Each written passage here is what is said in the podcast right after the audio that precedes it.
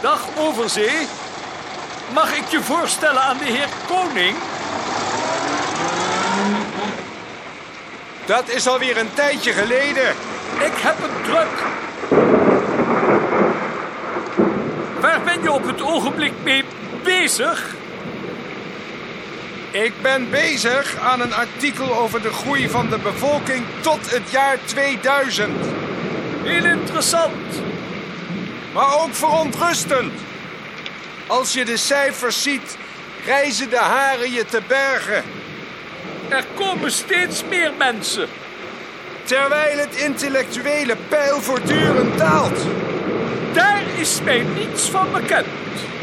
De stijging van het aantal idioten als gevolg van de ontwikkeling van de medische wetenschap is onrustbarend.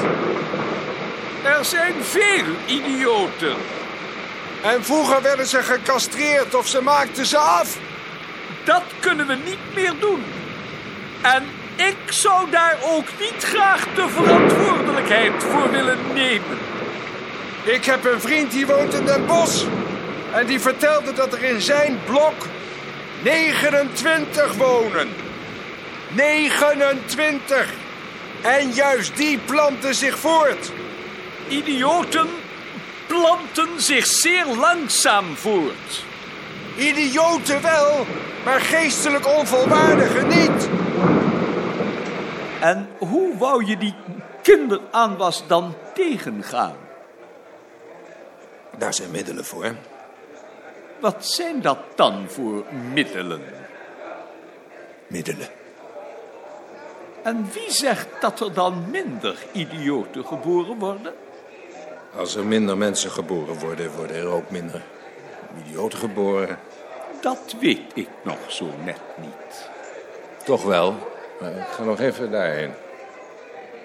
Met die man zou ik nooit in een commissie willen zitten.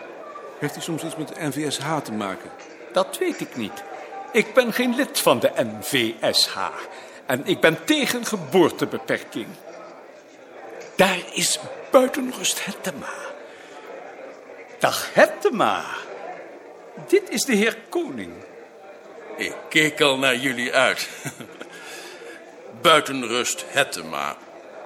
Ik heb je beleidsplan met veel instemming gelezen.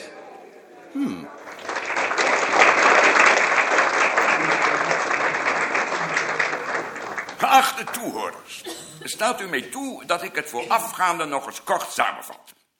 Naar mijn mening, en ik heb dat zo even uiteengezet, is het de hoogste tijd dat wij als oudheidkundigen meer aandacht besteden aan de religieuze opvattingen van onze voorouders, waarvan sommige stenen nog de sporen dragen. Ik heb u daarvan een voorbeeld gegeven, de gleuven in de muur van de Sint-Pegelmus in Oldenzaal. Er lijkt mij geen twijfel mogelijk dat de oude Oldenzalers op die plaatsen in de steen zijn doorgedrongen met de bedoeling hem zo zijn kracht te ontfutselen. Maar uiteraard geef ik deze verklaring graag voor een betere. Ik heb gezegd. Dat is toch onzin wat die man beweert?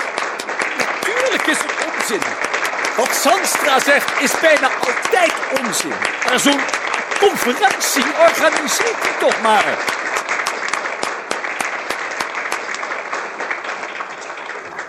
Er zijn veel betere verklaringen voor.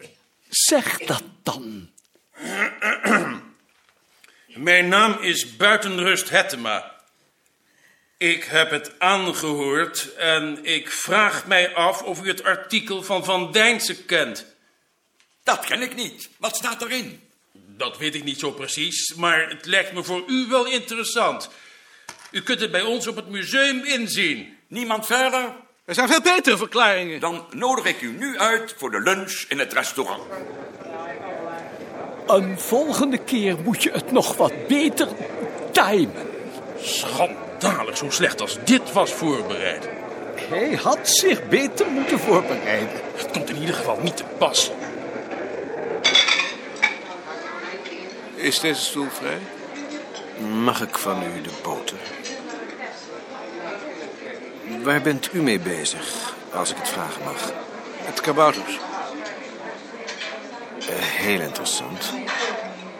Ik had de indruk dat Zandstra geheel nieuwe wegen wilde inslaan. Ik vond het buitengemeen boeiend. U kent mijn vrouw niet, maar als ik u nu vertel dat ze er bijzonder jong en charmant uitziet, dan zult u het beter begrijpen. Ik ontdekte namelijk in een ledenlijst dat een neef van mij trompetist is in het residentieorkest. Een hele lange neef. Wij, zijn allemaal vrij lang, terwijl mijn vrouw juist klein is. En hoewel ik zelf nooit naar concerten ga, eenvoudig de tijd niet voor, leek het mij een goede grap om hem een keer aan mijn vrouw voor te stellen en dan tegen hem te zeggen: Zeg maar, tante. dus toen heb ik een keer kaartjes gekocht voor een concert voor twee trompetten. En laat die neef nu derde trompetist zijn. Misschien komt er nog eens een stuk voor drie trompetten. Wie weet. God bewaar me. Je zult toch je hele leven met dit soort mensen moeten omgaan.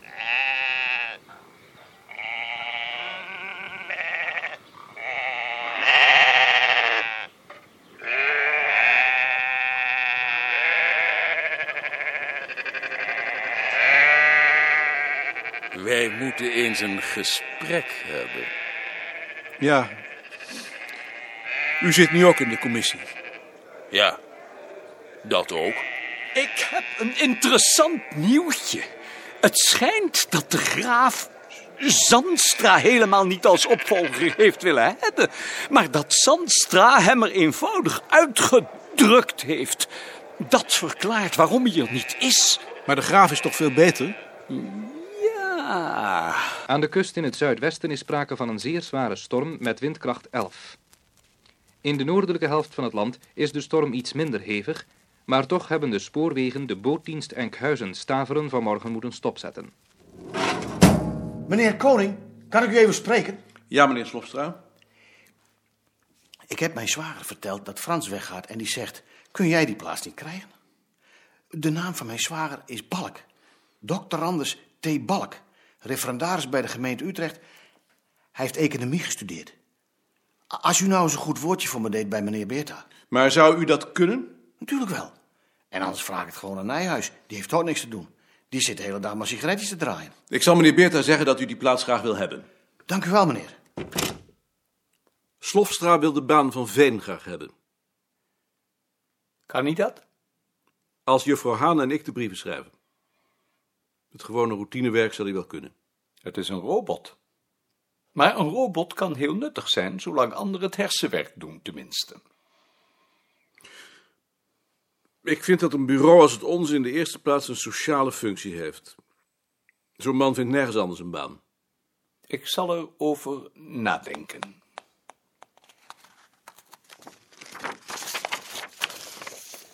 Hebt u eigenlijk nog met die vrouw van die zigeuner gesproken? Ik heb een interessant gesprek met haar gehad. Omdat u er niet over in het jaarverslag schrijft?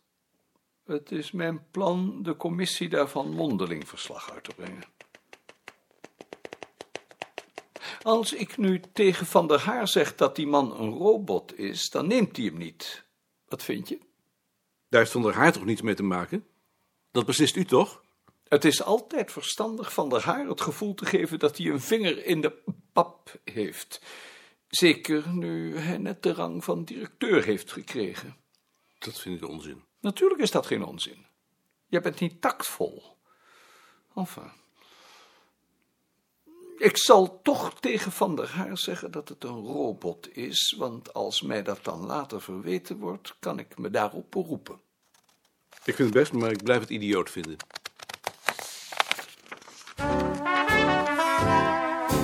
Moet je horen, koning. Ik ben hier nou 13 jaar in dienst en, ze hebben nooit dat op me aan te merken gehad. Maar als het zo moet, dan doe ik het niet. En dat zal ik tegen Van der Haar zeggen ook. Dan zoekt hij maar een ander voor zijn werkie. Ik heb ook mijn eergevoel, al heb ik misschien geen rechten gestudeerd. Ik ben nog niet bij hem geweest, want feitelijk weet ik het nog niet, hè. Gerbrandi weet het wel, want die heeft hem uitgepakt, maar hij mag het nog aan niemand vertellen. Maar ik heb het nu wel zover dat Gerbrandi en Dekker ook weigeren. Als we niet vertrouwd worden, dan doen we het net zo lief niet. Wat is er aan de hand? De bruin moet wachtlopen. Wachtlopen? In geval van brand. Maar nou wil meneer Van der Haar dat wij een prikklok gebruiken.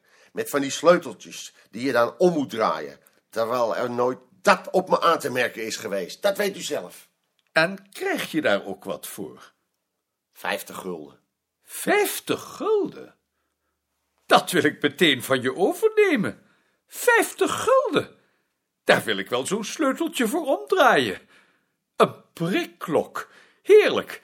Ik heb altijd een prikklok willen hebben. Zeg maar tegen meneer Van der Haar dat als jullie niet willen, dat ik het wel doe.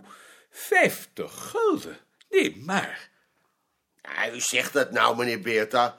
Maar als ze u niet zouden vertrouwen, zou u er wel anders over praten. En zo denken Gerbrandi en Dekker er ook over. Ik geloof dat het Van der Haar naar zijn hoofd is gestegen, nu hij directeur is geworden. Die wil groot opdoen. Belachelijk. Zolang ik hier werk, is hier nog nooit brand geweest. Hoe staat het er nou mee? Moet je horen. Gerbrandi heeft dat nagegaan, maar we zitten scheef. Ze kennen ons contractueel verplicht. En Dekker zegt dat hij het geld niet missen kan. Nou, ik ken het best missen. Mijn eer is me nog altijd meer waard dan die armzalige 50 gulden. En dat zal ik van der Haar zeggen ook. Daarvoor heb je je nou 13 jaar uitgesloofd. Nooit is er iets verdwenen. Elke ochtend ben ik er voor de anderen om het lekker warm te maken. Krijg ik ook geen cent extra voor. Kan me niet schelen, doe ik graag. Maar dan moeten ze me hier niet mee aankomen. Ik zou het me maar niet zo aantrekken. Makkelijk praten. Jou is het niet overkomen. Maar ik zal het hem zeggen ook. Ze zijn nu bij Van der Haar. Ik kan ze zien staan. Wie? De Bruin, Gerbrandi en Dekker. Ik ben benieuwd. Ze komen nu door de tuin hierheen. De timmerman is er ook bij. Dus ze zullen ook wel hier komen. Waarom hier? Omdat er achter uw bureau ook zo'n sleutelgat zit. Nee. Waar zit dat dan? Wijs me het eens. Daar. En waar gaat die sleutel dan in? In dat gat. Ze lijken wel niet goed bij hun hoofd.